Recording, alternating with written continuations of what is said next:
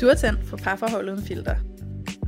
Jeg er Julie, jeg er seksolog, og jeg har specialiseret mig i tiltrækning, og hvorfor den vi tiltrækker aldrig er den forkerte, og hvordan vi kan bruge vores hårdknuder i parforholdet til at forløse os selv og hinanden. Og jeg er Louise, jeg er selvværdscoach. Jeg hjælper kvinder med at få et kærlighedsfyldt og ligeværdigt parforhold ved at lære at elske sig selv først. Og sammen tager vi filteret af parforholdet.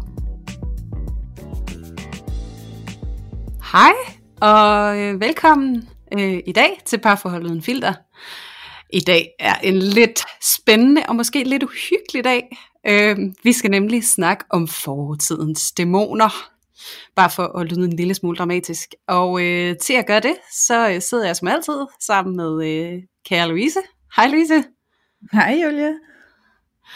Og øh, når vi snakker om øh, fortidens dæmoner, så er der måske nogle andre, der tænker det som øh, skeletter i skabet, eller spøgelser fra fortiden, og nogle de går også med ordet øh, bagage, og øh, det påtaler jo alt sammen øh, det samme emne, netop vores historie, hvad vi har med os øh, fra vores liv og vores tidligere erfaringer i livet, og også vores tidligere erfaringer i vores parforhold. Og øh, som jeg også skrev i, øh, i vores lille teaser på Instagram, så øh, kommer de her øh, tidlige erfaringer tit til at spille en rigtig stor øh, og ofte underkendt og ubevidst rolle i vores parforhold, hvis ikke vi lige får øje på dem og, øh, og finder ud af, hvad søren vi har med os og hvad det handler om. Og øh, jeg tænker, Louise, om øh, du vil øh, lægge ud med at øh, og fortælle lidt om, hvordan du taber ind i det her emne, og om du måske selv har nogle dæmoner, som spørger lidt i øh, dit parforhold, eller har gjort det? Ja, altså, jeg, altså det første jeg bare lige får lyst til at sige, det er, at jeg tror næsten ikke, at der er nogen, der kan frasige sig at have en eller anden form for dæmoner med sig. Ikke? Øhm, og så kan det godt være, at du ikke øh, selv betragter det som dæmoner. Det kommer måske an på, hvor, øh, hvor tunge ting det er. Så det kunne være, at du betragtede det på en anden måde med et andet ord, der lyder lidt mindre voldsomt. Men, øh, men personligt, så øh, har jeg ikke noget mod at kalde det for dæmoner, fordi jeg synes godt nok, at jeg har haft noget med mig, øh, som er tungt nok til at kalde det dæmoner. øh, men øh, Ja, okay, så, så jeg føler jo lidt, at jeg går ind i sådan en hel øh, livshistorie nu, ikke? og det skal jeg passe på, at man ikke gør.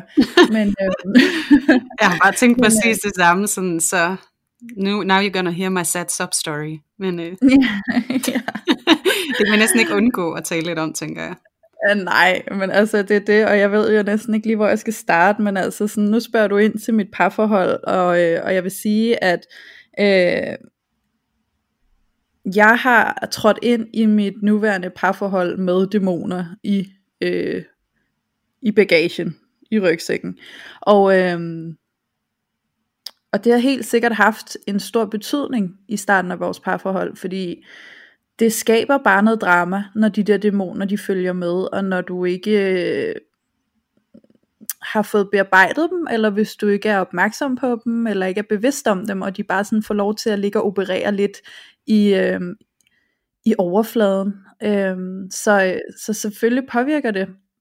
Men, øh, men, men der er jo det her med dæmonerne, og det, og det kan jeg bare lige mærke, at jeg har brug for at komme ind på, fordi jeg adskiller det lidt mellem, at der er de dæmoner, som kommer fra barndommen. Det vil sige, det er dæmoner, der bliver skabt i vores opvækst, øh, med de oplevelser, vi har i vores opvækst, og med den sådan øh, påvirkning, vi får fra vores forældre, og for, fra hvem de er, og hvad de gør, og hvad de siger, og hvad, hvad vi kommer til at føle ud af alt det. Det er, nogle, det er for mig sådan de der grundlæggende dæmoner, vi kan få med os øh, fra, fra de ting, der har påvirket os øh, på en, skulle man sige, negativ måde, eller i hvert fald på sådan en begrænsende måde. Der hvor vi har følt som barn, at vi skulle beskytte os selv for at overleve og for at, at øh, bevare, at vi kunne få kærlighed fra vores forældre, og derfor har skabt os selv en eller anden form for destruktiv mønster, eller øh, i hvert fald ikke et nyttigt mønster. Måske dengang, men ikke når vi bærer det med videre i livet. Så det er sådan den ene form for dæmoner, jeg ser for mig selv. Og så er der de andre dæmoner, som er blevet skabt i mit voksne liv, eller i mit øh, sådan, øh, ungdomsliv, hvor jeg ligesom var flyttet hjemmefra, og var blevet stor nok til at være på egen hånd, og det ikke ligesom kommer hjemme fra min opvækst, men hvor det kommer fra det jeg oplever der. Øhm, Ja. så, så ja, det ved jeg ikke, Julia, er, er du sådan lidt med mig på den her opdeling af dæmoner?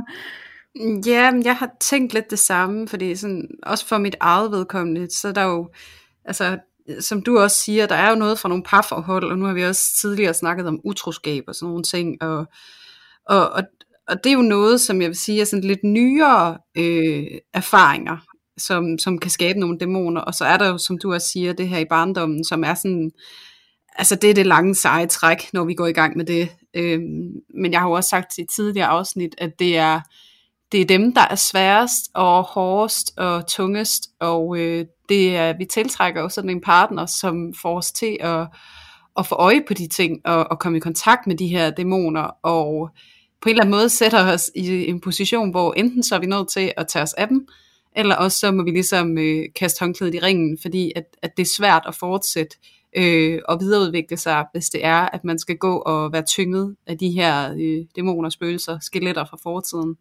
Ja, præcis. Så jeg kan faktisk godt, ja, jeg kan godt følge din opdeling. Jeg synes, den er, øh, det, det giver mening. Øhm, Ja. Fordi at så, så, så fristes jeg også til at sige, så er der jo de tunge og de svære, som, som er de ældste.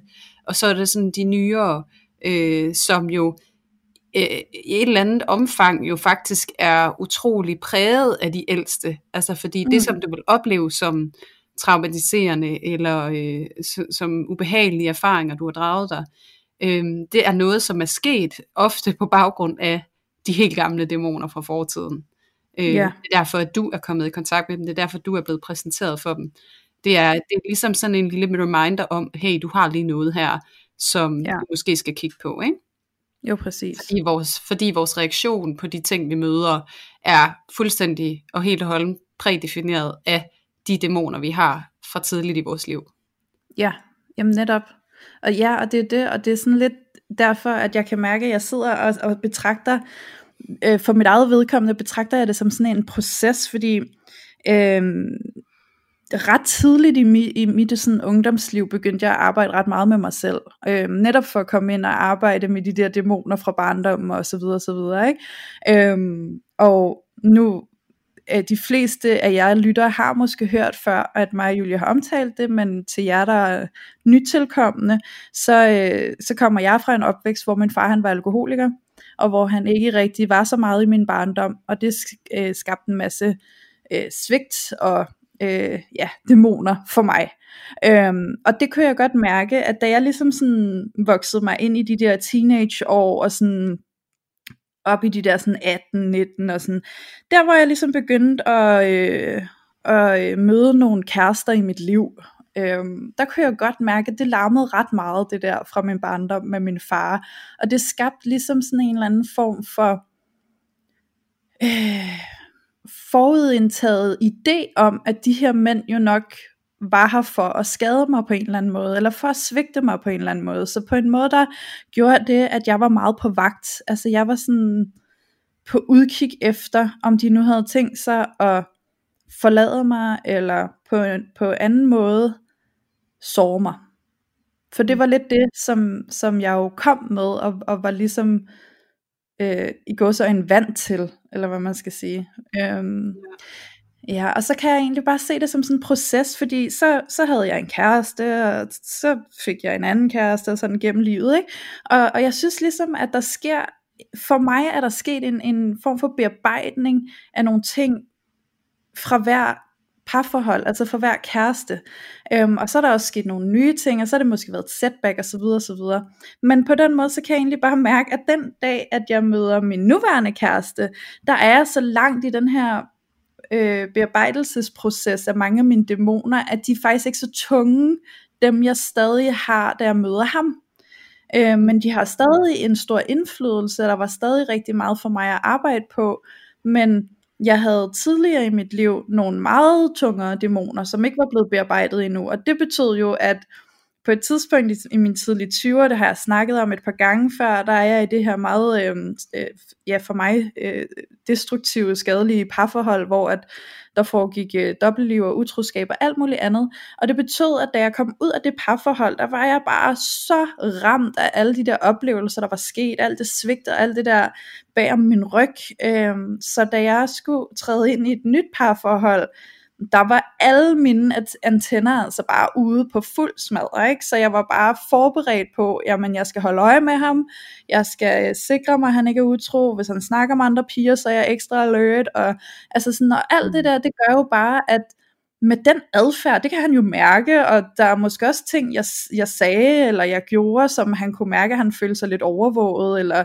at jeg ikke havde tillid til ham og sådan noget. Det sætter jo også noget i gang over i ham, og så sker der jo den her dynamik, fordi at det er den energi, jeg bringer ind i det nye parforhold, fordi at jeg trækker noget frygt med fra mit tidligere parforhold. Yeah. Øhm, Ja, og der ser jeg det lidt som sådan en, en proces, jeg har arbejdet mig igennem, fordi så fra parforhold til parforhold, så har jeg øh, været meget bevidst om at arbejde med mig selv og sat gang i nogle forskellige ting. og gået til noget psykoterapi øh, terapi og sådan nogle ting. Så, så på den måde, så har der været mange af de der rigtig tunge dæmoner, jeg har fået forløst relativt, da jeg møder min nuværende kæreste. Øhm, og jeg tror sådan, med min nuværende kæreste, så tror jeg faktisk, at en af de dæmoner, der har været på spil mest, det har været, at min, øh, min kæreste, han har kunnet trigge et, øh, et mønster inde i mig, som har ligget rigtig meget mellem mig og min mor. Mm. Øh, og, og det har helt specifikt været sådan, så at i min opvækst med min mor, øh, og også efter jeg er flyttet hjemmefra og sådan nogle ting, så har der været sådan et tema, der hedder, at, øh, at hvis vi bliver uenige, hvis vi diskuterer, min mor og jeg altså, øh, så får jeg en oplevelse af, at hun fryser mig ud, og hun lukker ned som en østers. Øh, og som barn, så føltes det som om, at hun kottede kærligheden til mig. Altså som om, jeg elsker dig ikke lige nu, for jeg er sur på dig. Og det var redsels... Altså, det var virkelig, virkelig ubehageligt, fordi altså, ja. det, det, det gjorde jo, at jeg som barn sad og tænkte, jeg vide, om jeg aldrig får hende tilbage, jeg vide, om hun kommer til at elske mig igen. Øh, fordi ja. det der med som barn at forstå, at det bare er sådan momentært, at hun lukker ned og er irriteret og giver mig en kolde skulder. Det kunne jeg ikke forstå, for jeg følte virkelig bare, at min kærlighed fra hende, den blev fuldstændig stop her, ikke længere, du får den ikke tilbage Så det blev meget sådan, at jeg følte, at jeg skulle gå på listetær, og jeg skulle gøre, hvad hun ville have, fordi så kunne jeg få hendes kærlighed. Så jeg skulle undgå konflikter med hende og sådan nogle ting. Det var min oplevelse. Og, og det kunne ja. jeg mærke, at øh, min kæreste, han er ret god til sådan at være, hør her skat, jeg er irriteret på dig, jeg gider dig ikke lige nu, jeg skal lige have noget luft. Og det satte jo bare gang i hele det der for mig, for det var bare sådan noget rush, direkte tilbage i, øh, i alt det der fra min barndom med min mor, så det var jo altså redselslagen for mig at stå i det, og jeg var bare sådan helt, ej, hvad betyder det, og hvad så nu, og så blev jeg virkelig needy, og virkelig sådan, åh, giv mig noget bekræftelse, jeg skal vide, at vi stadig er gode nok, og vi er okay, og du er ikke ved på, på vej til at forlade mig, vel, og hvad sker der nu, og sådan, og det var jo, altså, for en mand, der står der og har brug for luft, så er det jo det sidste, han har brug for, ikke? Så ja. selvfølgelig skabte det jo gnidninger, og så videre, og så videre, og det har vi arbejdet så meget på, og jeg har arbejdet helt vildt meget på det, og den dag i dag, der er jeg i stand til, hvis vi bliver irriteret, så er det nærmest mig, der er sådan helt, jeg har lige brug for luft. øh, wow. Kan jeg lige få noget tid alene, ikke? Så der er virkelig sket et skifte der, og det er, altså, det er det mest sindssyge i verden, at stå tilbage med den her frihed i, ah, jeg skal ikke sidde der og blive sådan helt splittet ad og nervøs og bange og alt muligt andet, fordi jeg ved, at han stadig elsker mig, jeg ved, at vi bare lige er lidt irriteret, det er okay, vi er gode nok igen om en time, eller i morgen, eller et eller andet andet, ikke? Øhm, ja. ja, og det er tit det, der er vigtigt, det er bare det der med at vide, at de vender tilbage. Ja, præcis. Øh, men men det, det, det, det, jeg sidder og bliver optaget af, når du fortæller, det er den der med, at, at øh, måske lige fortælle lytterne, at hvis du har daddy issues, så har du helt sikkert også mommy issues. øhm, fordi at jeg sidder sådan, der bliver lidt dumbfounded, når du fortæller, fordi at, at jeg kan genkende det så sindssygt meget, så der kører bare tusind tanker op i hovedet på mig lige nu. Øh, og jeg ja. ved nærmest ikke, hvor jeg skal starte eller slutte, eller fordi det er så vildt. Og det er jo bare det der, når vi taler om de her dæmoner, så kommer man altså virkelig bare lige i kontakt med sådan ens grundlæggende frygt i livet, øh, grundlæggende længsler øh, og behov, som, som der er så mange følelser forbundet med, og det er sådan meget, altså, som vi også snakkede om i vores afsnit om skænderier, det er sådan nogle spæde følelser, øh, sådan lidt barnlige følelser, hvor at, øh, det er sindssygt svært at håndtere, øh, når mm. vi kommer i kontakt med dem, fordi at vi ikke har den der modenhed omkring det, fordi når vi pådrager os en eller anden soving i livet, så, øh, så er det som om, at vi går lidt i stå der. Der er ja. en del af os, som bliver det sted. Og det er det sted, vi vender tilbage til, når vi møder det i vores voksne liv. Det, så så, så det, det er sådan en, jeg ser det som, at det er sådan en underudviklet del af dig. Det er en del af dig, der går i stå med at udvikle sig, men resten af dig fortsætter. Så når ja. du bliver mødt af det her sted, hvor du er gået i stå, så skal du helt der tilbage dertil, og så er du nødt til bare at tage et skridt ad gangen derfra. Mm. Øhm, og det tænker jeg egentlig leder mig rigtig meget ind på, hvad, hvad jeg gerne vil tage med til det her afsnit i dag, fordi at, at som du også ved, Louise, så, øh, så bare fordi, at man har taget en uddannelse øh, som seksolog eller som selvværdscoach, og at man går rigtig meget op i det her personlige udvikling, så er det ikke fordi, at man selv er perfekt eller færdig, øh, eller at man nogensinde bliver det for den sags skyld, men, men der er helt klart en interesse, som, som kan hjælpe en lidt på vej. Og, øh, og med det sagt, så, så er jeg et sted i mit liv lige nu, øh, som du ved, hvor at jeg er virkelig ved at, at få fagntag med mine allerdybeste, øh, allermørkeste dæmoner øh, mm. lige nu. Og øh, for ligesom øh, at, at dele lidt med jer lytter og tage filteret af mit eget liv, øh, parforhold i den ombæring også, så, øh, så vil jeg gerne lige sætte et par ord på. Øh, og det kræver sådan en lille bitte substory. nu snakker vi om, at vi skal ikke sådan gå i de vilde livshistorier, øh, men jeg synes alligevel, det her kræver lidt. Og, øh, og jeg håber, at jeg tager jer med et sted hen, hvor det også giver mening for jer, og I måske kan genkende noget. Øh, og så vil jeg fortælle lidt om bagefter, øh, sammen med dig, Louise, og i dialog med dig, så lige se på, hvad det her egentlig handler om. Fordi du har altid en hel masse guld til mig også, og, og nu sidder jeg jo midt i det, så der er sikkert også rigtig meget guld for mig at hente. Hos dig, det plejer der at være. Men øhm, ja, som du lige sagde, Louise, så har jeg også en, øh, eller havde en far, han er død i dag, men øh, han var også øh, glad for alkohol, og, øh, og han var meget fraværende, og der er mine daddy issues, og, og min frygt for at blive svigtet af det maskuline. Mm. Men noget af det, jeg for nyligt sådan virkelig er begyndt at tage fat i, det er mine mommy issues. Øhm, fordi når der er en, der, der melder sig ud, så er der en anden en, der tager rigtig meget over. Og, øh, og hvis det ikke er far, så er det som oftest mor for de fleste af os. Øhm, og det gjorde min mor også. Og øh, så skete der det, da jeg var 10 år gammel, så, øh, så sad jeg til en børnefødselsdag og øh, hyggede mig og spiste alt det kage, jeg kunne komme i nærheden af. Og øh, så, øh, så ringer telefonen, og så er det min storebror, og øh, han fortæller mig, at min mor hun er kommet på hospitalet. Og øh, det der sker, det er, at øh, min mor hun får sådan en øh, virus i øh, rygmagen, som øh, påvirker hendes hjerne. Så øh, fra den dag af, der har jeg ikke øh, set min mor. Fordi at min mor hun kom hjem, men, øh, men hun var en anden mor. Hun havde, fordi hun havde pådraget sig en hjerneskade af den her sygdom, så var hun faktisk ikke den samme person længere. Øhm, hun var markant anderledes, og så var hun meget afkræftet af det her sygdomsforløb, hvor hun havde været indlagt i halvandet år. Og, øhm, og så øh, som barn dengang, der, øh, der var der altså ikke ret meget hjælp at hente. Der var ikke nogen, der tænkte, børn skal der have noget terapi, når at de øh, gennemlever det her med deres primære omsorgsperson. Og de voksne omkring os, de var jo øh, travlt optaget af og, og ligesom at, at få øh, min mor på fod igen. Og der husker jeg ret tidligt, øh, i den forbindelse, så sidder jeg med min mormor, og, og hun kigger mig dybt i øjnene, og så siger hun til mig, nu skal du passe på din mor. Mm. Og, øh, og der, øh, der blev skabt øh, en kæmpe dæmon inde i mig, øh, som øh, er formet som en meget øh, lille voksen. altså det der med at få det overansvar og skulle være voksen for de voksne i så ung en alder, og ikke selv være grebet i den sorg og frustration og frygt, der var forbundet med hele det her forløb. Ja. Og, øh, og den dæmon har levet videre i mig øh, som en længsel, hvor at jeg længes efter en voksen, der er voksen for mig, og jeg ikke skal være voksen for andre. Mm. Øhm, og det har været en kæmpe dæmon for mig, fordi at, som vi to også lige snakkede om, Louise, så, så hvis jeg skal være sådan helt specifik på, hvad det gør ved mig i mit liv, så gør det, at jeg ofte tager overansvar, og jeg vil gerne skåne andre for mine følelser.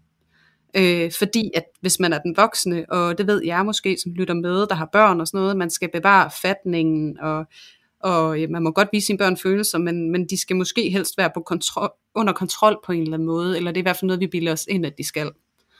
Øhm, så den tendens har jeg med ind i mit parforhold, at, at det er det, jeg gør.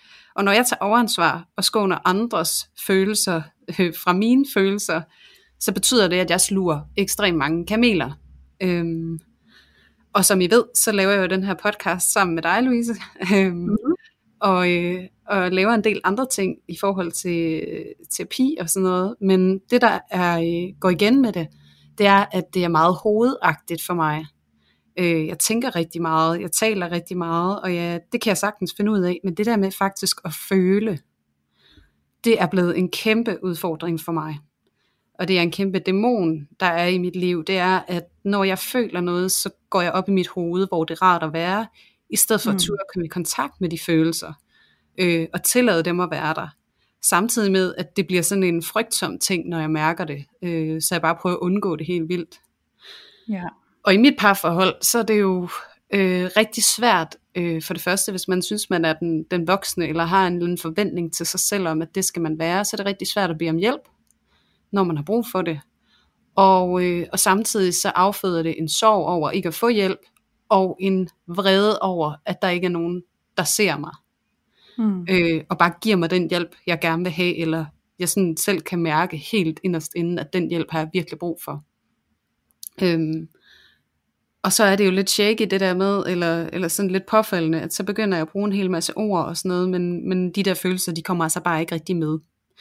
Og så er det altså bare rigtig svært for ens partner at øh, støtte en og hjælpe en, hvis ikke man kan finde ud af at kommunikere, hvad man har brug for.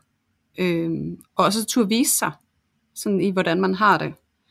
Ja. Så det var i hvert fald bare lige sådan, og jeg kan mærke også, at, at for mig, og det må jeg undskylde, hvis det bliver sådan lidt øh, uforståeligt, det må du øh, hjælpe mig med, Louise, om, om det er til at finde hoved og hale i, fordi at, at som sagt, når at man er med i tingene, som jeg er lige nu, så er det bare overvældende og stort, og, øh, og grunden til, at jeg synes, det er vigtigt at fortælle jer det her i dag, det er også igen for at tage filtret af og sige, at der er ikke noget, der er perfekt.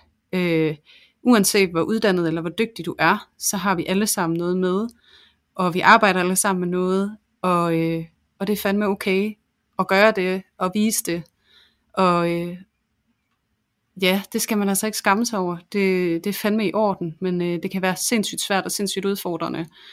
Og, og, og når man hiver fat i de her ting, som jeg gør lige nu, så er det rigtig svært at, øh, at lave et parforhold med filter. Eller mm. man kan også overkompensere og sige, nu skal der mega meget filter på, ikke? fordi nu, går, nu ja. er det altså lidt svært at være mig i det her, i det her liv lige nu. Ja. Øhm, så, så det er egentlig derfor, jeg synes, at, øh, at, at det var noget, jeg, jeg vil dele her i dag. Øhm, fordi jeg tror, det er værdifuldt for andre at vide, at øh, de her dæmoner, de kan være mørke, og de kan være dystre, og de kan være øh, voldsomme. Men, øh, men at der også er en vej ud af det. Og, øh, og så bare lige sådan, inden jeg kaster bolden over til dig, Louise, så øh, at hvis at du kan genkende noget, eller du selv ved ud fra, øh, eller du kommer i kontakt med noget ud fra min historie, øh, hvor du kan mærke, at du har et eller andet inde i dig, så øh, søg hjælp til det, øh, fordi det, ja det kan altså være helt vildt og voldsomt, når at man begynder at, at hive fat i de her dæmoner, fordi at der er også en kæmpe tryghed ved at have dem. Så, mm. så det er den der løsrivelse. Øh, det, det kræver altså trygt space at gøre det i. Så øh, ja, det vil jeg bare lige give med, og så vil jeg helt vildt gerne høre, hvad du tænker, Louise, fordi det her, det, det er bare mig lige nu. ja, jeg synes, du er så sej, Julie. Altså, det er mega værdifuldt, det du gør. Fordi det er det, vi snakkede om lige inden vi startede det her afsnit. Den der måde at være autentisk på. Det er for mig en nøgleord, der er kæmpe værdifuldt. Og jeg har det jo personligt sådan, at øhm, øh, hvis jeg skulle, hvis jeg skulle komme med hele min livshistorie, så vil jeg våge at påstå, at der kommer et par øh, voldsomme oplevelser, et par voldsomme øh, øh, dæmoner undervejs.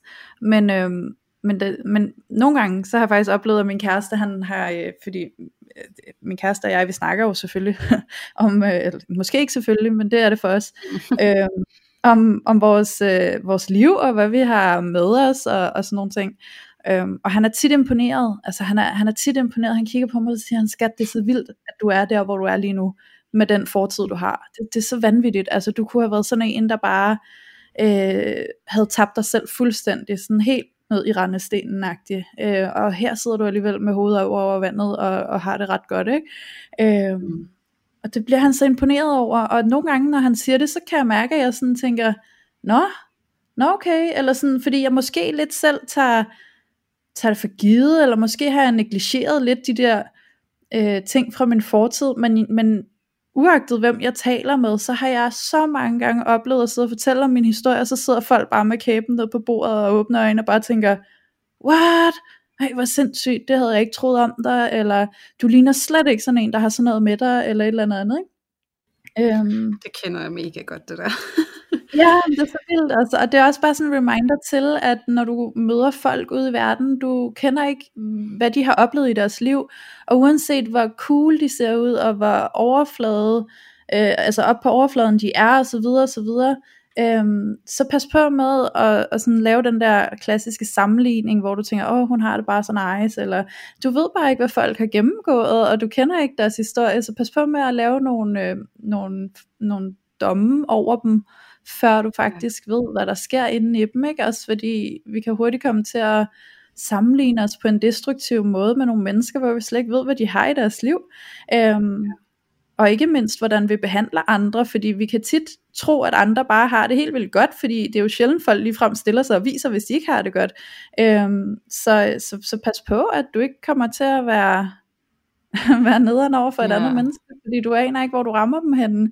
Altså, øhm, jeg kender det fra mig selv, jeg har sådan et udgangspunkt, hvor jeg tit tror, at alle andre mennesker har mega meget styr på deres liv, øhm, og de har styr på deres følelser, og de står stærkt i sig selv, så, de, altså sådan, så det regner jeg bare lidt med, de gør. Og hvis, de, hvis jeg nu kommer across på en eller anden øvemåde over for et menneske, jamen så ved jeg jo ikke, hvordan det rammer dem, for det er ikke sikkert, at de viser mig det. Øhm, og det, det er virkelig noget, jeg er bare meget opmærksom på, det her med at, at møde folk i kærlighed, fordi uanset hvad de viser mig, så ved jeg ikke, hvad de har indvendigt. Øhm, og det vil jeg bare gerne være et menneske, der kan imødekomme med kærlighed, uden nogen fordømmelser eller noget som helst andet.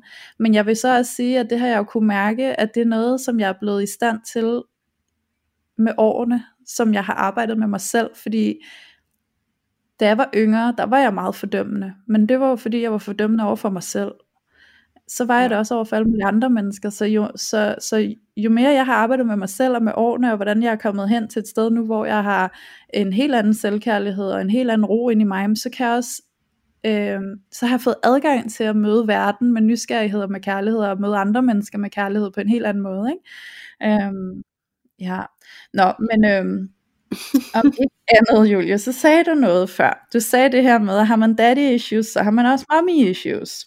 Mm. Øhm, og nu vil jeg ikke skære alle over en kamp, for det kan jo selvfølgelig være, at der sidder nogle undtagelser derude, men det ramte mig faktisk ret meget, fordi at øhm, på et tidspunkt i mit liv, der startede jeg i en terapigruppe hos noget, der hedder Tuba. Og øh, jeg vil anbefale det, hvis du sidder derude som lytter, og du har haft øh, enten en mor eller en far eller noget andet i dit liv tæt på dig, som har været alkoholiker eller misbruger en art, så er det et sted, man kan komme hen og komme i terapi som pårørende til øh, en misbruger af en art. Og jeg gik altså i en terapigruppe hos Tuba, fordi min far jo som bekendt var alkoholiker, og, øhm, og det skulle der ryddes op i for mig. Jeg kommer ind i den her terapigruppe og sidder, og vi begynder at åbne op, og det er et ret fantastisk sted at være, skal jeg lige hilse at sige. Øhm, og jeg sidder med den her idé om, at alt hvad jeg har med i bagagen, det må stamme fra min far. Alt det dårlige, der har påvirket mig, det må komme fra min far, for min far var jo alkoholikeren. Øhm, og min far var den, der havde svigtet mig, ikke havde været der, og alt det her. Og som, øh, som mit forløb udvikler sig hos Tuba, så viser det sig lige pludselig, at, øh, at jeg simpelthen har lukket øjnene og taget skyklapper på for hvad min mor også har påvirket mig med.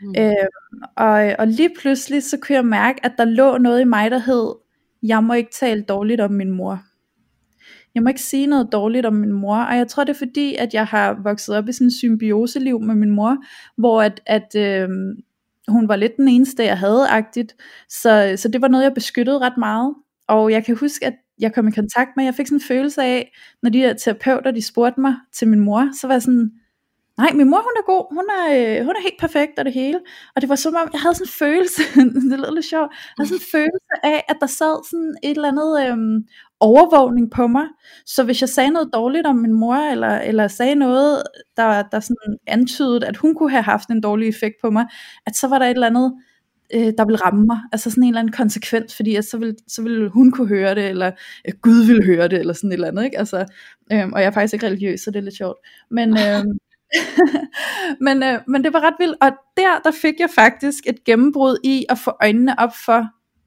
wow, okay, der er faktisk også ret mange dæmoner, der kommer fra mig og min mors forhold til hinanden.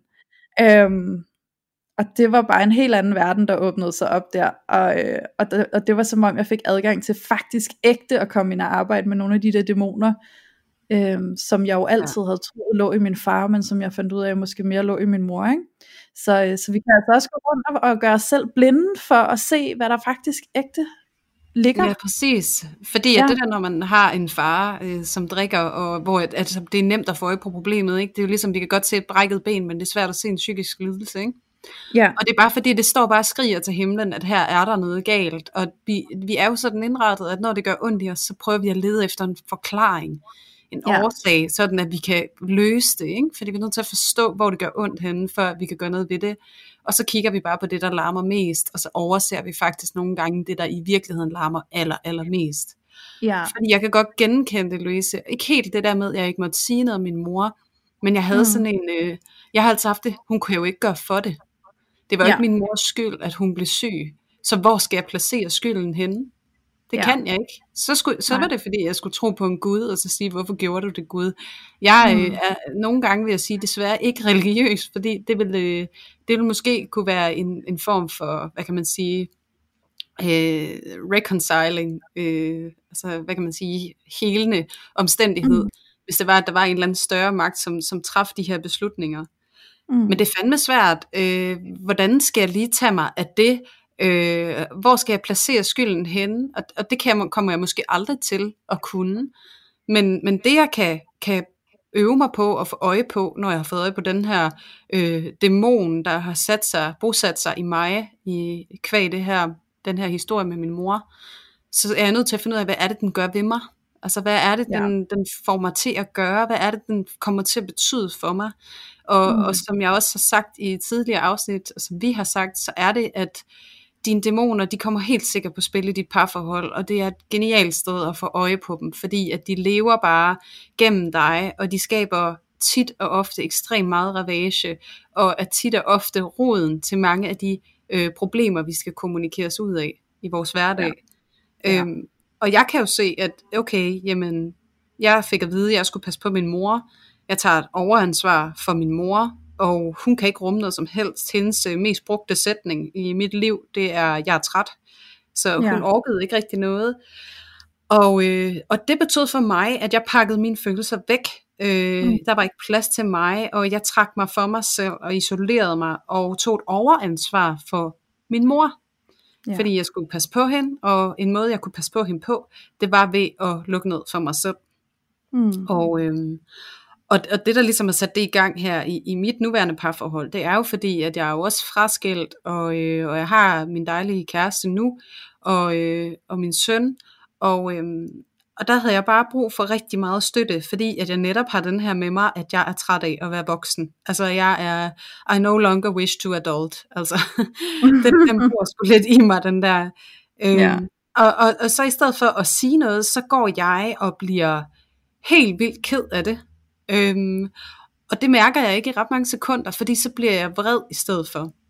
Ja. Og, øh, og det værste er, at jeg udtrykker ingen af følelserne, og jeg registrerer dem nærmest ikke selv, før at jeg begynder at øh, tænke rigtig meget, og prøver at forstå, og mm. alt det her. Øhm, men det der sker, det er jo, at jeg bliver vred over, at jeg ikke synes, at min kæreste, han tager den her voksenrolle fra mig.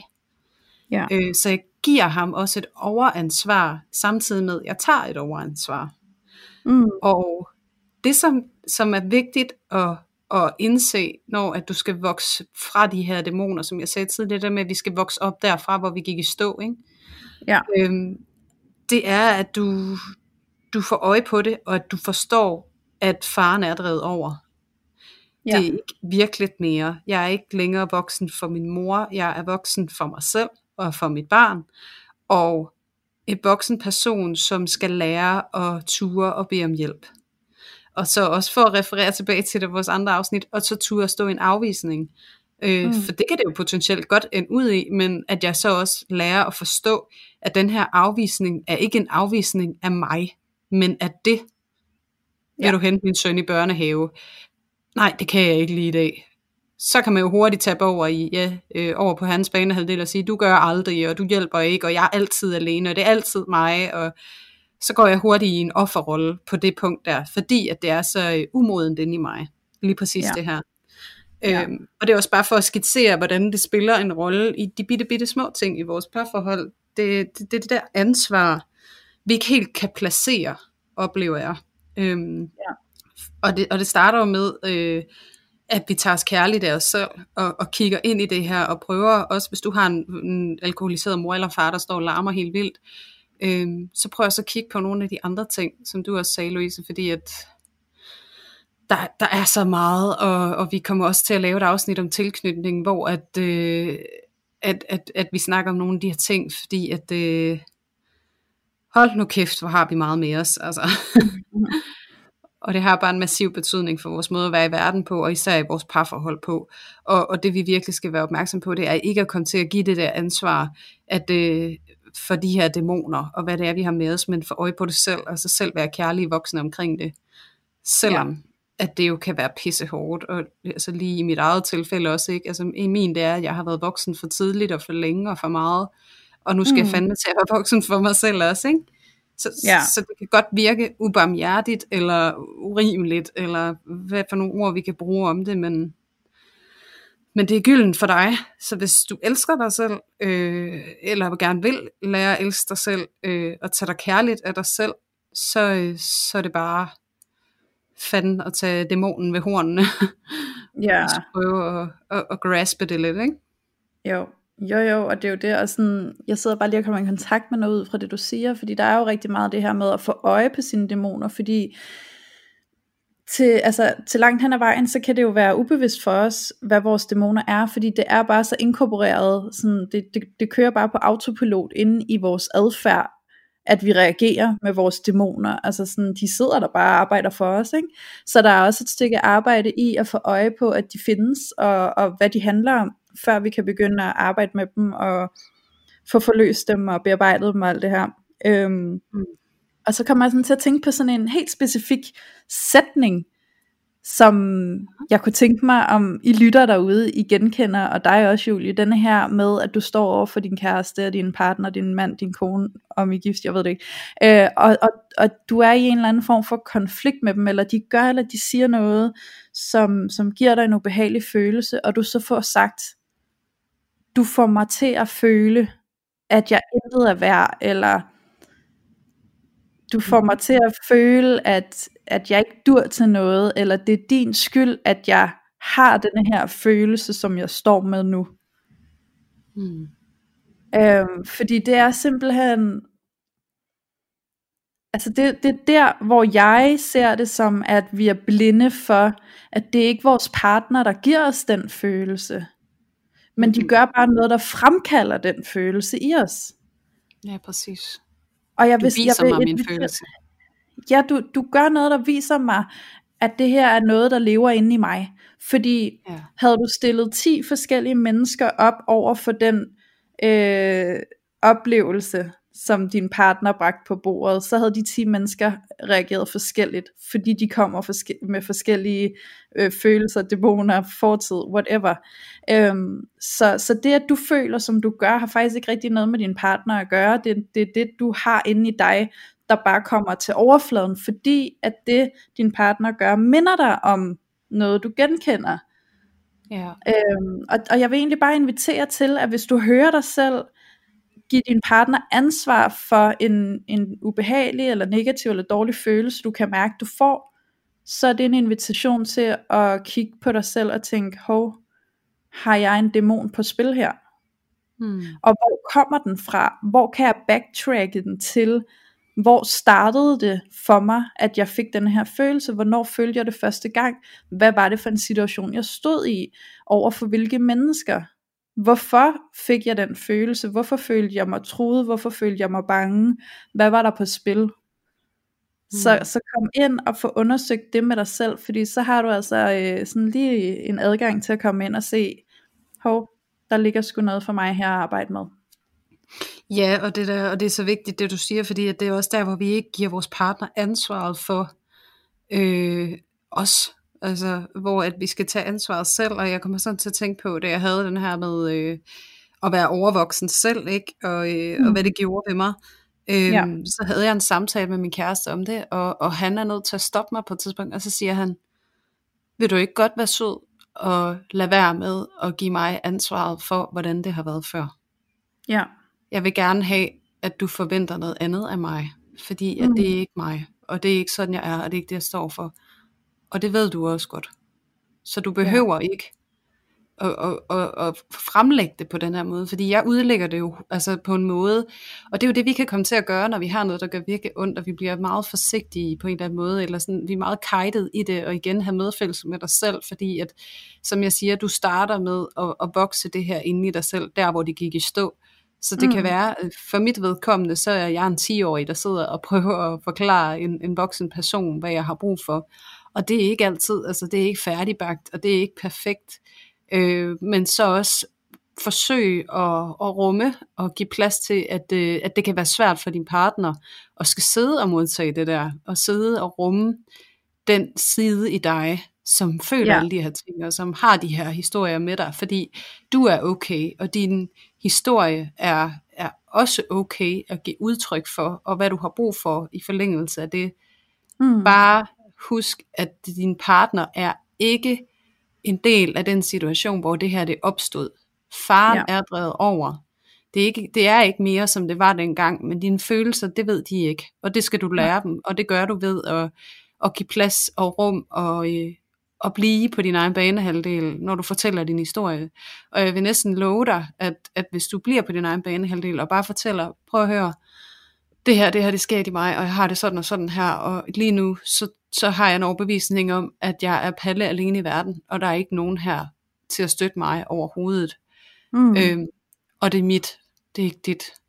ja. Og, og jeg kan godt forstå, hvis det gør noget ved dig, at, at jeg sidder i den overbevisning lige nu, men vid med dig selv, at jeg godt ved, at det her, det er mit. Ja. Fordi at det, det, det, det er et godt sted at komme til, og det, det er bare det der med at blive ved dig selv til ansvar. Øh, husk at ej din historie, fordi den er din, og, Mm. og tillade din partner at synes, at det kan være svært at skulle være, støtte dig i det, fordi det er rigtig svært. Det er Mm. rigtig hårdt. Øhm, og have respekt for, at din partner er vedblivende, og, øh, og stadig er med dig, på trods Ja. af at skulle stå model til øh, alt, hvad du er, og alt, hvad du har med dig. Fordi det er en gave, vi får, når der er nogen, der har lyst til at gennemleve det med os. Ja, og så vil jeg egentlig også sige, altså sådan, man skal jo også huske at vende bøtten, ikke? fordi din partner har jo også noget med sig. Og det kan jo, altså fordi, øh, det kan jo være, øh, det kan jo også være rigtig svært, hvis nu, at du står med en skjult dæmon, du måske ikke har opdaget, eller du ikke har fået taget fat om, som udspiller sig, men din partner har også nogle dæmoner, som begynder at blive sat i gang ud fra det, der bliver sat i gang i dig, og så er det lige pludselig sådan pingpong, ikke? Fordi altså, så står I begge to med hver jeres dæmoner, og sådan pingponger med de her dæmoner op imod hinanden, og det bliver et værd drama, fordi der er ikke nogen i det her rum, der er til stede med en eller anden form for, øh, ja, øh, sådan voksen og øh, rationel øh, tanke om Ja. det, der sker, fordi det er, det bliver egentlig bare to meget sårede sjæle, der står og, øh, og, og forstærker det i hinanden, ikke? Um, Ja. så, så det er også det der med at vende den lidt rundt, fordi du, du kan måske også forestille dig, nu snakker vi jo meget ud fra vores eget perspektiv, men forestil dig at vende bøtten rundt, og, øh, og din partner måske bliver trigget af noget du gør, fordi din partners dæmoner bliver sat i aktivering, og at din partner begynder at bebrejde dig, eller lægge det over på dig, det har du måske oplevet at stå i, det vil jeg tro, du har, det tror jeg, de fleste af os har. Og det er altså også vildt ubehageligt. Jeg har stået i at blive anklaget for et eller andet, hvor jeg tænker, det her har intet med mig at gøre. Hvorfor er det mig, der skal have øh, den her røffel? Det forstår jeg ikke. Mm. Øhm, og det er vildt ubehageligt. Så, så det er også det der med at prøve at overveje, hvad det er, du byder din partner, hvis det er, at du øh, øh, altså, hvad sådan noget hedder, kaster dine dæmoner i hovedet på din partner, ikke? Øhm, yeah. Ja, altså sådan, jeg ved i hvert fald, at fra et tidspunkt, hvor jeg kom ud af, af, af sådan et parforhold, hvor der havde været utroskab og alt muligt andet, jamen så møder jeg en ny partner, og, øh, og hvad jeg gør, det er jo bare, at jeg møder en, som jeg ikke har kendt før, jeg kender ikke hans historie, jeg ved ikke øh, super meget om, hvad hans holdning er lige i begyndelsen, eller hans standarder, og alle de her ting, men, øh, men jeg begynder allerede fra start af at anklage ham for utroskab og alt muligt, ikke? Altså sådan, eller måske nede i det der mere mikroperspektiv, sådan, ej okay, så, så synes du bare hende der i fjernsynet, hun er lækker, eller hvad? Ej, okay, typisk mænd, at de bare kun ja. tænker på sex. Eller, øh, altså sådan, så kommer det ud i sådan nogle små mikroadfærd, øh, hvor det ikke nødvendigvis er det der overordnede helikopterperspektiv, som vi taler i lige nu, men at det kommer ja. i sådan nogle små stikpiller, som også er ubehagelige for din partner at få fra dig. Ligesom det vil være, hvis, hvis du oplever, at din partner eksempelvis er jaloux på baggrund af nogle, øh, noget usikkerhed fra barndommen måske, og så lige lagt oveni, at de måske har haft nogle dårlige oplevelser med en ekskæreste, eller et eller andet, og så kommer de ind i et forhold med dig, og bærer noget jalousi med sig ind, og så, og så kommer du til at opleve, at det er dig, der bliver øh, angrebet med den her jalousi. Det er vildt ubehageligt, fordi du står bare uskyldigt i godsejen og bliver angrebet med alt muligt, der ikke har noget med dig at gøre. Øhm, ja, præcis.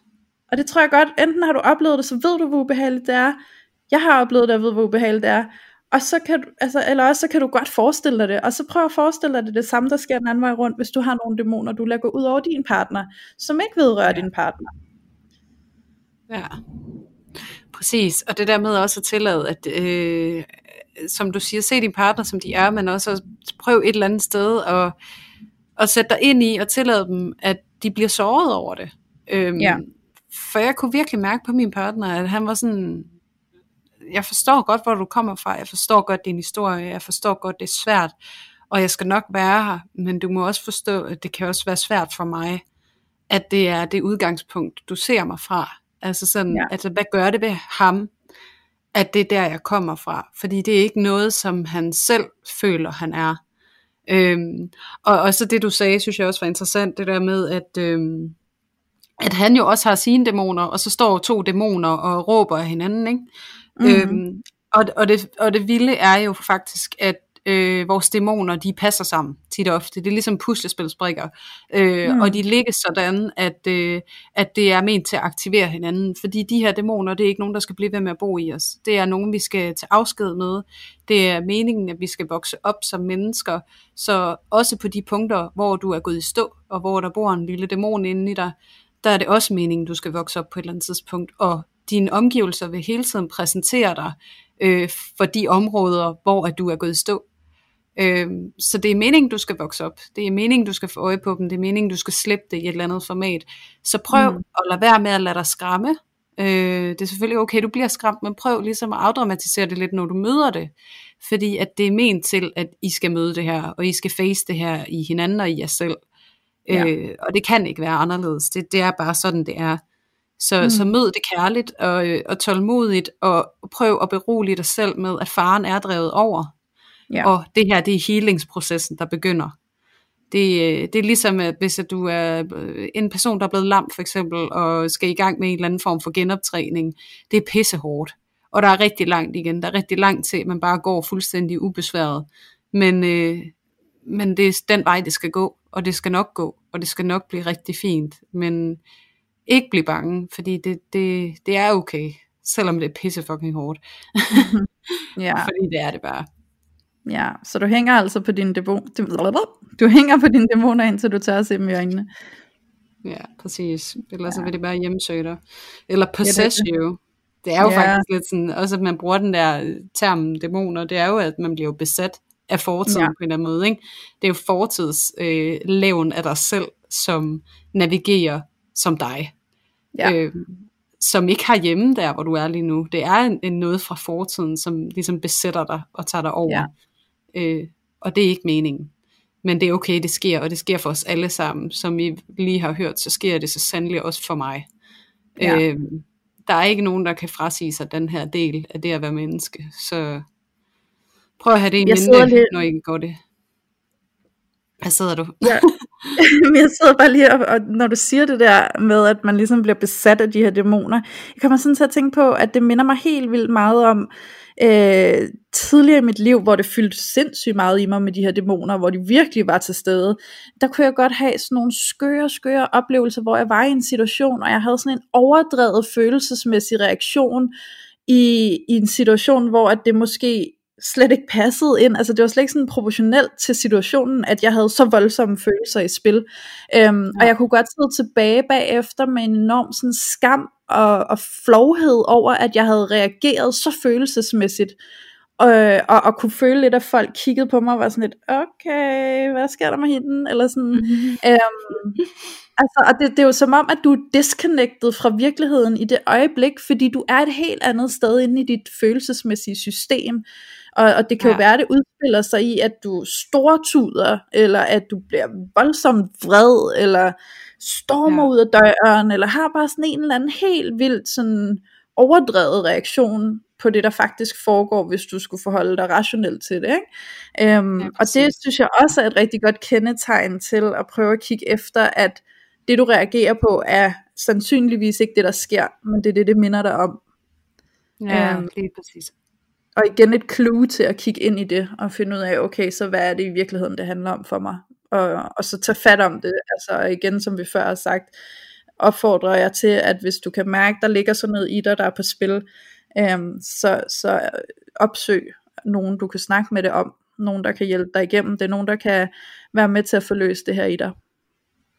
Ja, præcis, fordi det var egentlig også noget af det, som, som jeg synes, der var vigtigt at få med i det, jeg sagde før, som jeg ikke fik sagt, det er, at når I møder de her dæmoner, øh, når din dæmon kommer frem, så øh, fremprovokerer det også tit og ofte noget af din partner, og nogle gange, så, øh, så formår man at, at komme igennem det, og kan tale om det, og se på det sådan lidt nøgternt. Øh, mm. Men mange gange, og især hvis man ikke har arbejdet helt vildt meget med det, eller gået i en form for parterapi før, så, så kan det altså godt komme lidt ud af kontrol.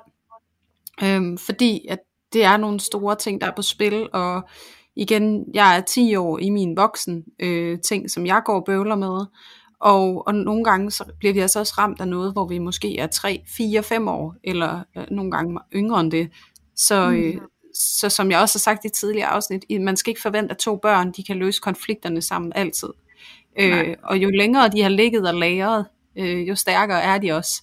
Så, så vær nysgerrig på og prøv at få øje på, om I skal støtte til, til den her proces og til de her dæmoner. Øh, ja. For tit, så, så det er altså sådan, det er, især jo ældre det er, altså som du har sagt i starten, Louise, de der lidt nyere dæmoner, øh, ja. utroskab og svære erfaringer i parforholdet, det, det er måske nogen, man kan starte med, øh, og så mm. stille og roligt, fordi at, så vil de ofte også give adgang til de helt gamle dæmoner, øh, som er vores grundantagelse af, hvad vi er værd, og sådan noget, som vi har med fra vores forældre. Så, ja. så, så man kan begynde at hive lidt fat i dem, og måske løsne lidt op i noget. Men øh, mm. jeg vil næsten altid sige, få hjælp til det. Fordi det, der, der kan være rigtig meget på spil. Altså der kan være rigtig meget mange følelser og ubehag, og også bare tale fra mit eget point of view lige nu, hvor jeg sidder midt i øh, nok en af de sværeste krummelyre, jeg har måtte øh, face øh, i mit voksne liv. Øh, jeg vil ikke kunne klare det her uden støtte fra nogen.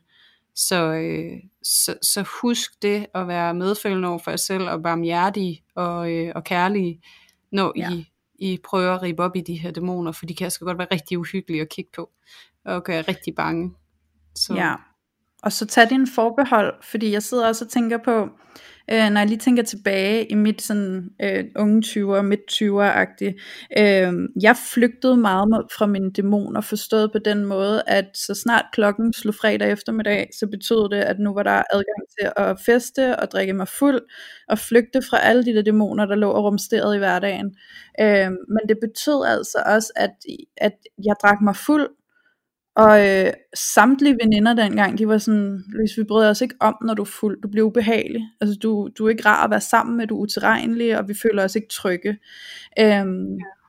Og det er, jo, det er jo igen sådan en klassiker, at hvis du drikker dig fuld, så vil dine dæmoner komme til udtryk, fordi så mm. slipper du nogle hæmninger. Ikke? Så jeg vil også ja. sige, sådan for mig i den periode, der betød det altså også ingen alkohol. Fordi især da jeg så gik i gang med psykoterapi og begyndte at arbejde og få reddet op i alt det her, der skulle jeg ikke drikke, fordi så gik det helt amok. Ikke? Øhm, så tag også din forbehold og gør dig, altså sæt de bedste rammer for dig selv i den proces, du går i gang med, når du begynder at arbejde med de her ting, sådan så at du ikke får ja. sådan nogle udfald.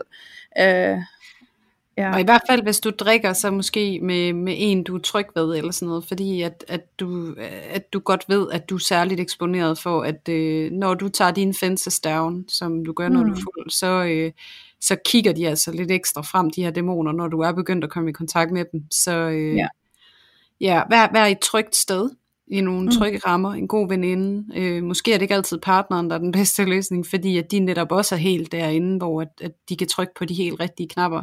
Oh, øh, også en klassiker med det der. I ja, hvert fald, så tror jeg måske også, vi taler ind i det der sådan lidt mere unge liv, hvor at det med fester og druk og sådan noget. Ikke? Man hold op en klassiker, ja. det der med, hvis man så er et kærestepar sted til en fest, og bliver fuld, og så går det bare mok, ikke? Ja, men ved du hvad, Louise, det er der stadig mange voksne mennesker, der gør. Altså, nu har jeg jo selv arbejdet i diskoteksmiljøet og det ene og det andet. Og, ja. og min kæreste gør det også som dørmand, og, og han siger, altså nogle af de værste, det er faktisk de der rigtig fulde voksne mennesker, som har fået børn og været hjemme i, i 5-6 år, og nu er de begyndt at komme ud og, og leve deres ja. liv igen, og de larmer simpelthen så meget, og ikke som i, at de råber, men at deres altså, følelser er helt uden på tøjet, og ja er super ubehagelige, og alt for meget, og, og det er næsten bare skræmme eksemplet på, hvad der sker, hvis vi holder os selv nede i så lang tid, og der er virkelig mange mennesker, mm. der får børn, og så klemmer de ballerne sammen, indtil ungerne flytter hjemmefra, og så en dag, så, så er der typisk også mange, der går fra hinanden på det punkt, og hvis ikke ja. de gør det, så, så kan det godt komme til udtryk i sådan noget der, øh, øh, voldsom adfærd af den ene eller den anden karakter, når man ligesom endelig giver slip, ikke? Så, øh, så lad det være skræmme eksemplet på, øh, øh, ikke at gå ind og så prøve at kigge lidt på de her ting, og prøve at holde det lidt i ave, øh, og få mm. kendskab til det, fordi at øh, du gør dig selv en kæmpe tjeneste, øh, både ja. i relation til dig selv, din partner, dine børn, hvis du har nogen, dine venner, veninder, din familie, øh, rydde op stille og roligt, Øh, ja. Og nu siger vi dæmoner, og det lyder måske meget farligt, men så farligt er det ikke, fordi at, øh, jeg vil love dig for, at du kender dem alle sammen, mm. når du mm. først ser dem. Så, så ja. det virker næsten velkendt, og nogle gange så er det rart lige at få kigget ind i skabet og sige, okay, der er et monster derinde. Sådan, nu behøver jeg ikke gå ja. og bekymre mig længere, eller lave sikkerhedsadfærd for ikke at komme i nærheden af det fucking skab. Så. ja, en god metafor. ja, der er, ja. der er monster under sengen og inde i skabet. Sådan er det bare. Jamen, det er der. Ja, så gider du, vil, vil du blive ved med at ikke at rydde op under din seng, eller ikke tage tøj på og gå nøgen ud af døren, så øh, det, be my guest, men uh, du kan også bare lige face det. ja. Det er i hvert fald den, øh, den, den varmeste anbefaling herfra, fordi jeg har, jeg har i hvert fald gennemgået et rigtig stort stykke arbejde, og det var helt vildt nøjere overhovedet at påbegynde det, men jeg var så taknemmelig, da jeg kom ud på den anden side og kunne mærke, hvor meget lettere det hele blev. Ikke? Ja, præcis. Ja, for det er så, det, det bliver, og det er måske også lige vigtigt at runde af med her til sidst, at, at det er det, du vil opleve, det er, at, øh, at først så bliver det rigtig hårdt, men så bliver livet også lidt lettere bagefter. Øh, yeah. Det er ligesom hvis, at øh, jeg tror, man kan forestille sig en person, der vejer alt for mange kilo, og så skal de til i gang med kostplan og træning, og det er pisse hårdt, og man må ikke spise den der Marsbar, som man bare så gerne vil have, og sådan noget, men det er en periode, øh, ja. og så lige pludselig så har du ændret din livsstil, og du har lagt dit liv om, og din krop har det bedre, du er ikke så syg mere, du har ikke ondt i ryggen og lænden og alt det her, mm. og så er du faktisk glad for, at du tog det der lange seje træk, og gik det igennem, ja. fordi at, at nu er det igen en fysisk øh, metafor, jeg bruger, og det er fordi, at, at vi har så meget nemmere ved at tage os af alt det fysiske, og så lade, lad det psykiske øh, dø lidt hen på en eller anden måde, eller lade det være lidt i stillstand. Ja. Men det er i mig væk øh, mindst lige så vigtigt, hvis ikke øh, vil jeg vurdere vigtigere, at vi tager os af vores øh, psyke, fordi den er fundamentet for resten af os. Øh, ja. Og man kan også se mange livsstilssygdomme og svære problematikker i de senere år hos mennesker, som simpelthen har fortrængt for meget. Øh, Mm. så, så have det i mente, og være kærlig mod dig selv, og prøve at, at hive fat i det. Fordi øh, Ja. det, det kan altså noget. Det kan det bare. Det kan det. Livet det er bliver bedre, og livsessentielt. sjovere, og nemmere. Ja. Meget, meget nemmere og mere og mere kærligt. Så øhm, ja, Ja. go do it. Nå Julia, jeg tænker, at øh, det må være cue til Ja. at, øh, at runde lidt af nu.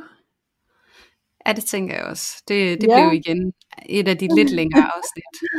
Ja, sådan er det. Og det er vist også okay, for jeg kunne se på en lille Instagram-afstemning, at vi lavede, at, øh, at I alle sammen faktisk synes, at det er helt okay, at det var lidt længere tid. Ja, præcis. Ja, Ja, men øh, ja, jeg vil stadig øh, opfordre til, hvis at, øh, du ikke har gjort det endnu, så må du meget gerne rate os. Øh, Podimo, Apple Podcast, så gider jeg ikke sige mere om det, fordi det har jeg sagt en hel masse om. og, øh, Udover lige tak til alle jer, der vælger at gøre det. Det er simpelthen så dejligt og, øh, Ja. at få lidt feedback der også. ja. Og øh, så ved vi ikke rigtigt, om der er nogen, der har haft en eller anden finger med i et eller andet spil. Men altså, vi har jo præsteret at blive anbefalet som ugens podcast, Louise, inde på Spotify. Sammen med, øh, hvad det, hedder? Med øh, Peter og Feldtoft, og ja, her går det godt, og en med Tommy Ahlers, så vidt jeg kunne se, og ja. ja. men altså, vi er jo helt, helt op at støde. Det er jo, ja. wow. Altså, Ja. Ord er fattige, når at, at sådan noget, det sker i sådan noget, man er så passioneret omkring. Det der med, at ja, så hvis der er nogen af jer, der har sendt en eller anden anbefaling et eller andet sted hen, eller sådan noget, og spillet en rolle i det her, så skal I bare have kæmpe mega tak. Og hvis I ikke har, men I derimod er trofaste lyttere og er med os her, så skal I have et endnu større og kæmpe mega tak, fordi at vi elsker at lave den her podcast. Øh, Ja. Det er helt vildt. Og, øh, og det, det, det, det sgu jer, der gør- gør det fedt, fordi at øh, I giver så meget. Og ja, tusind tak. Det er virkelig dejligt. Ja. Det skal I skulle have. Det skal I virkelig. Og øh, altså, jeg har sagt det før, men jeg kan bare mærke, at noget, der virkelig, virkelig giver mig energi, det er at høre fra jer. Så, øhm, så sidder du med noget på hjertet, eller har du bare lige lyst til at sige hej til os, eller har du lyst til at få vores råd på et eller andet, så skriv til os. Skriv en privat besked til os ind på Instagram eller på Facebook. Det er mega fedt at få fra jer. Det er så dejligt at være i Mm. kontakt med jer, så, så vi også kan mærke jer derude. Ja, præcis. Og så også inde Ja. på Logen, ikke? der må I også rigtig gerne komme ind og være med. Øh, vi er stadig i processen med at køre lidt op i aktivitetsniveauet, og der er nogle af jer, som har båget jer lidt til at, at skrive noget derinde, og, og, og kaste lidt ud i æderen. Så øh, det sætter vi selvfølgelig utrolig stor pris på, og synes bare, det er rigtig fedt. Øh, når I gør det, det er mega modigt, og det er også noget, det vi snakker om her, at tage ansvar og kaste sig lidt ud i ting, og, øh, og det gør I fandme, og hold kæft, hvor er det øh, beundringsværdigt og dejligt for os at se, sådan at, øh, at vi kan bruge hinanden lidt mere. Det vil altså være guld, Ja. nu hvor vi skal kæmpe med nogle vilde dæmoner. Ja, præcis. Og til dem af jer, der ikke ved, hvad Lotion er, eller som sidder og bliver lidt nysgerrige og gerne vil være med, så har vi altså en eksklusiv loge inde på Facebook, som er en, øh, en lukket Facebook-gruppe, det vil sige, der er ikke nogen af dine venner på Facebook, der kan se, hvad du skriver derinde. Øhm, og du går bare ind og søger på parforhold uden filter Lotion, og så kommer den frem, og så kan du anmode om at blive medlem. Så skal vi nok lukke dig ind. Ja, Præcis, og, øh, og så lige øh, to sidste ting. Øh, send os endelig nogle forslag til emner. Øh, vi modtager altid gerne, hvad I godt kunne tænke jer at høre om, og synes det er sindssygt spændende at få jeres besøg med, og vi prøver også at lave nogle afstemninger en gang imellem i vores story på Instagram, så Mhm. øh, der må I også rigtig gerne kigge med. Og øh, når du går og lytter til det her, så øh, er du hjertens velkommen til at tage et lille billede, eller lave en lille video, og øh, tag os i den, og så smid den op i din story på Instagram, fordi at vi er møghamrende pjattet med at, øh, at være lidt med. Øh, når du er sammen med os, vi synes det er simpelthen så hyggeligt, og øh, så hjælper du os også til at, at komme lidt ud over stepperne, og ud og, og nå nogle flere mennesker. Så øh, det vil være en kæmpe hjælp, og vi vil være rigtig taknemmelige for, hvis I vil øh, give det lille bidrag til os, Mm. og til, til alle mulige andre. Ja. ja, fedt Julie. Så øh, Ja.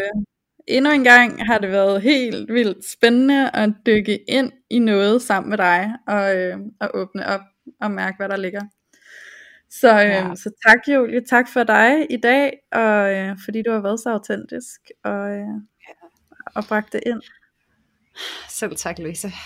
Mm. Tak fordi du har øh, lyttet og været kærlig, ærlig og åben sammen med mig. Det har sgu været dejligt. Ja. Det letter Ja, ja, også det sammen, ikke? Jo, det gør det nemlig. Ja. Det er altid fint. Fedt. Okay, men øh, så vil jeg da bare sige tak for i dag til dig, Julie, og til alle jer, der lytter med derude. ja, også mig. Og så, øh, så ses vi bare næste gang. Det er det, vi gør. Det gør. Hej. Hej.